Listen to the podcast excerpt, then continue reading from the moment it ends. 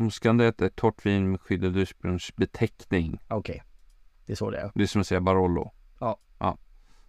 Okej, vi tror om den då. Eh, trean va? Ja. Mm.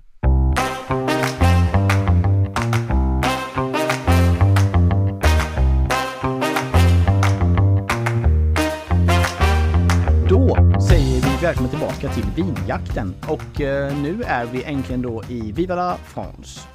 Vi kommer ju då från Italien som ni vet och där är vi klara med så nu kommer vi in i mitt favoritland av viner Frankrike medan vi lämnar då Martins eh, favoritland Italien. Vi tog det bästa landet först menar jag. Vi får se helt enkelt vad det blir. Frankrike har då just nu i alla fall, det här ändras ju hela tiden, men de är störst egentligen på antal vin på Systembolaget. De har 3976 stycken viner på bolaget. Eh, Men de är då särskilt störst på just vita viner medan Italien är störst på röda. Men man kan dock säga att de mest återvärda vinerna i världen kommer ju från Frankrike, både vita och röda. Frankrike består ju av lite oklart antal regioner. 10, 11, 12. Det beror lite på... det, det beror på vem man frågar. Ja. Ehm, Så vi får se hur vi skär i det. Men idag kommer vi i alla fall börja med det som heter då Loiredalen. Som är egentligen att man följer Loirefloden som går från västkusten och in mot mitten. Mm, jag kommer in på det lite mer här tre snabba sen. Exakt. Och vi kanske ska hoppa dit på, på en gång. Ja, vi börjar. Ja. Första punkten. Eh, Loiredalen är allt som oftast den tredje störst producerande regionen i Frankrike och fjärde största om man ser till eh, planterad vinareal. Alltså, ja, hur, hur mycket vingårdar det finns, eh, lätt förklarat. Loire är också Frankrikes absolut längsta flod och är ungefär 1000 kilometer. Det blir väl 100 mil då. Mm. Eh, och cirka 25% av allt vin som produceras i Loire är rött. Och det är en väldigt liten andel om man jämför med alla andra regioner. Punkt 2. Längs med Loirefloden finns det hela 22 olika slott som vittnar om Frankrikes storslagna tid. De flesta är byggda under 14 och 1500-talet. Eh, och ett av de kanske kändaste och mest majestätiska slotten är Château de Chambord som uppfördes av den dåvarande franska kungen med hjälp av multigeniet Leonardo da Vinci. Som inte bara är känd för sina målningar utan också mycket annat. Mm.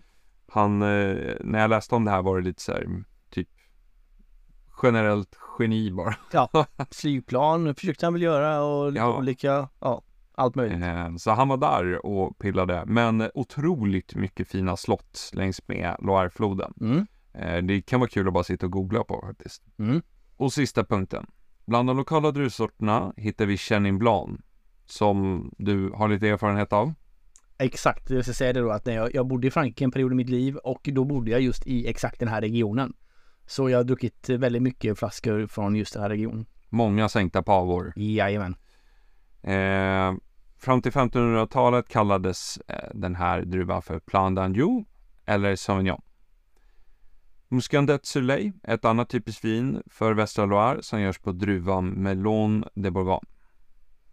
Druvan var främst populär på 1700-talet då en extrem vinter i början av seklet förstörde många av de befintliga vinrankerna i Västra Loire och då planterade man just Melon de Bourgogne istället då druvan står emot frost och även mjöldagg på ett bra sätt. Mm. Så man säkrade upp det lite helt enkelt. Och Surley är en metod som betyder att vinet får ligga kvar på sin jästfällning i en period.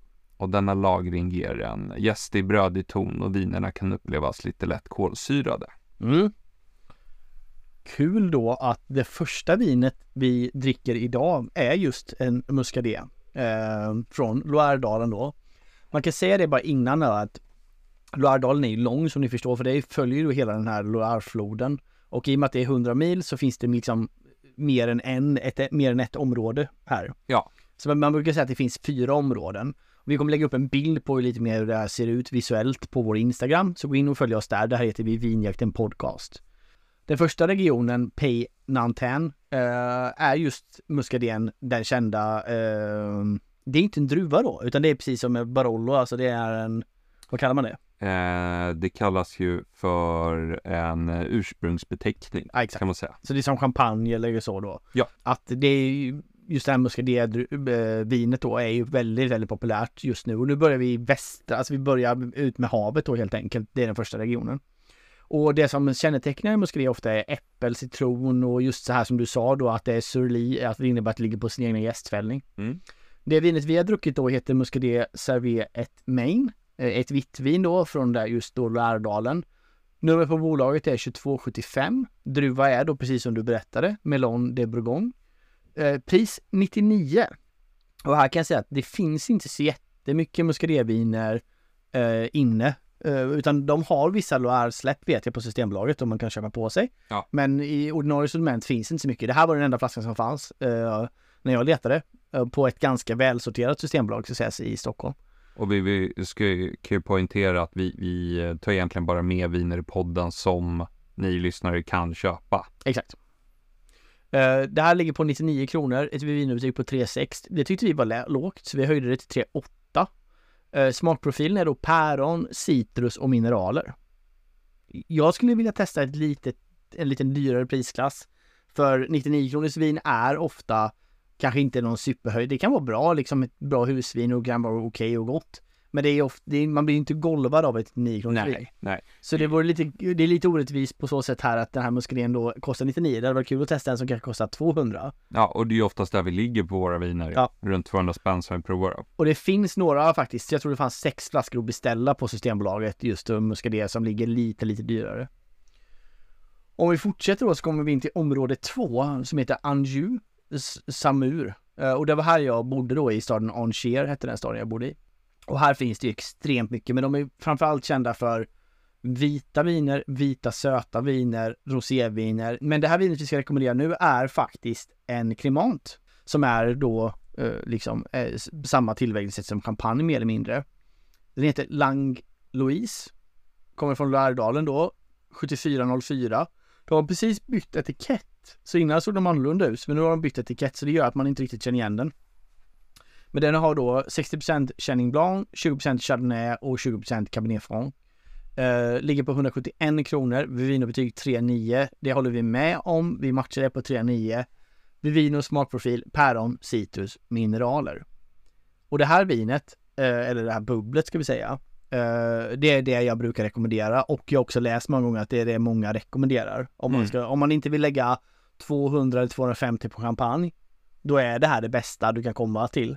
Mm. Och då heter det Cremant de Loire va? Exakt. Cremant de Loire. Och då kommer vi till omrum nummer tre då som är Touraine.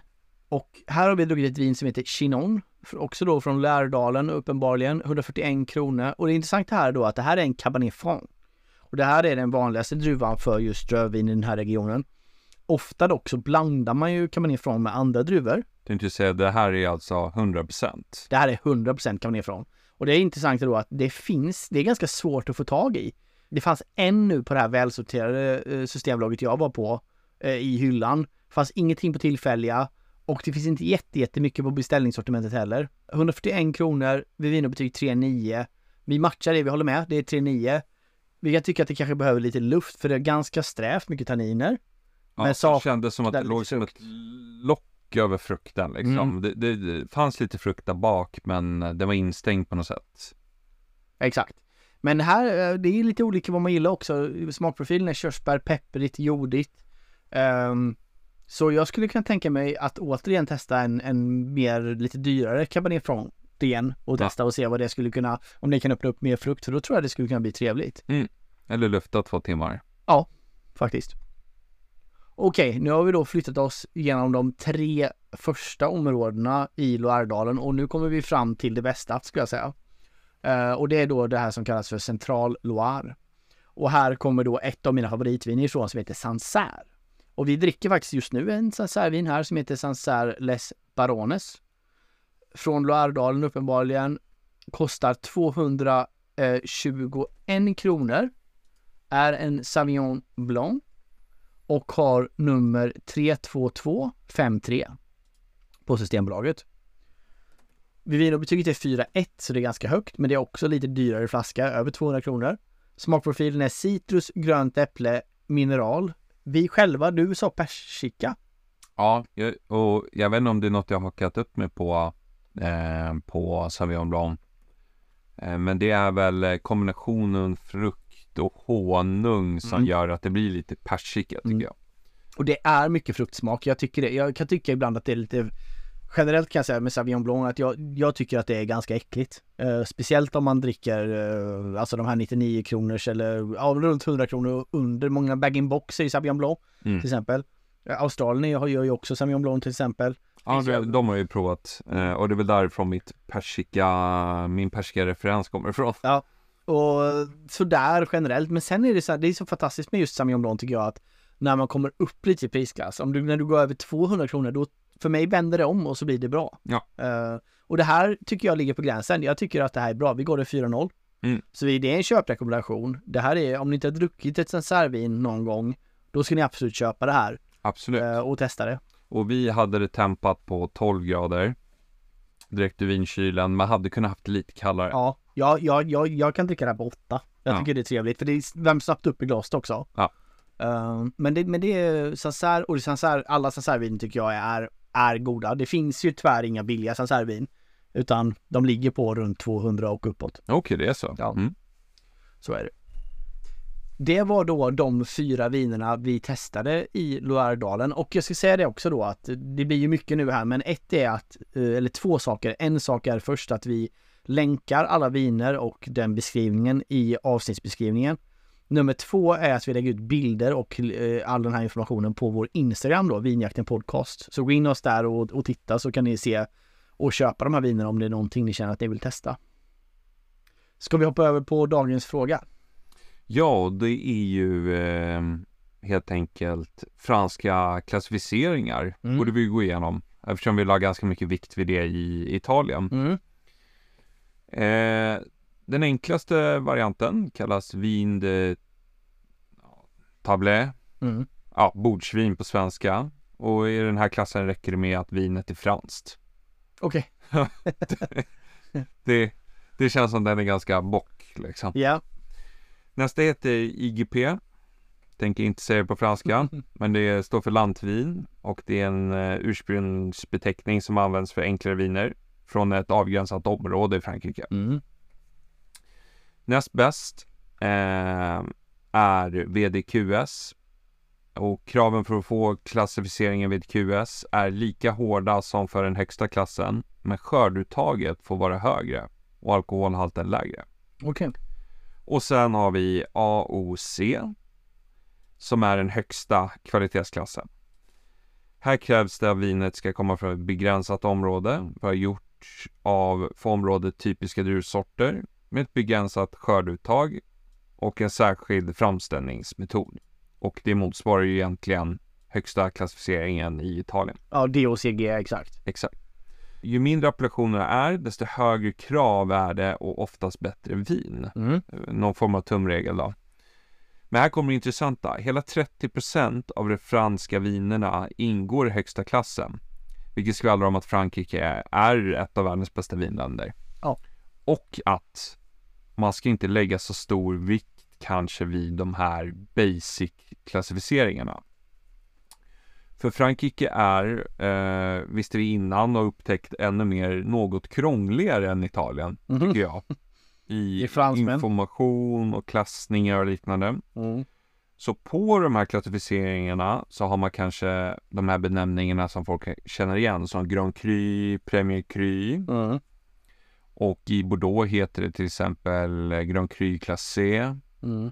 och i varje region så betyder till exempel Grand Cru olika saker. Mm, just det. På ett ställe kan det vara att byn är Grand Cru och med Grand Cru menar ju man att det är liksom ett ypperlig jord och det är det, det, det är det absolut bästa. Mm.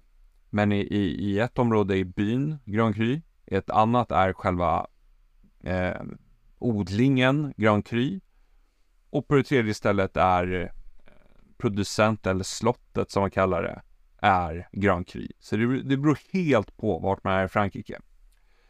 Så mitt tips är läs på om klassningarna eh, när ni väl hittar ett vin ni tycker verkar intressant. Mm. Och då förstår ni vad saker och ting betyder. Exakt. För Italien är det tydligare, då står det ju ofta kring flaskhalsen det här DOC eller DOCG. Ja. Det är väldigt visuellt och tydligt. Jag kollar lite snabbt på de här, vi har ju fyra flaskor framför oss nu, de vi har druckit här då. Ehm, och på den här chinonen till exempel, den här Cabernet Franc vi, vi, vi drack då. eh, där står det ju då Appelion d'Org Contrôlé, vilket är den här AOC Ja. eh, klassificeringen. Ehm, men på, på Sancerren står det ingenting till exempel, så ja, det är inte lika tydligt utmärkt. Eh, fransmän är ju ofta tyvärr också ganska tråkiga med det, att det är sällan det står vad det är, vad det är på flaskan. Det Ja. står sällan vad det är för druva, det står sällan var det kommer ifrån, utan det står lite lullull på franska som man inte förstår. Man förväntas veta helt Ja, man förväntas veta. Och det är sjukt svårt kan man säga att veta det. Men sammanfattningsvis så behöver man inte bry sig jättemycket om de här AC och det. Utan Nej. är man ute efter ett värstingvin då kan man börja titta på de här Grand Cru, Premier Cru. Exakt. Annars så håller de att flesta franska vinerna väldigt hög kvalitet. Och det där kommer vi tillbaka till när vi kommer till champagne också, för där är det ju också med Grand Cru och alla Mm. de här sakerna. Eller Bourgogne eller Bordeaux. Ja. Eller... Ja men det är härligt. Eh, Då är vi igång med, eh, med Frankrike helt enkelt. Det här ska bli en sjukt rolig resa. Eh, Det är många regioner. Vi är mycket vin framför oss som vi får dricka. Ja, och vi har ju tjuvdruckit lite andra typer av viner som inte går att få tag på. Man har ju hittat, i alla fall jag, lite druvor och sånt där Mm. som jag aldrig provat förut som har blivit en hit. Så jag håller helt med. Det är förväntansfullt. Bra. Då tackar vi för att ni har lyssnat. Eh, Och vi ska säga det också då att vill ni oss någonting så finns vi på eh, vinjaktenpodcast gmail.com eh, eller följ oss på Instagram. Det är kanske det lättaste och där heter vi vinjakten podcast helt enkelt. Grymt! Tack för idag. Tack, hej!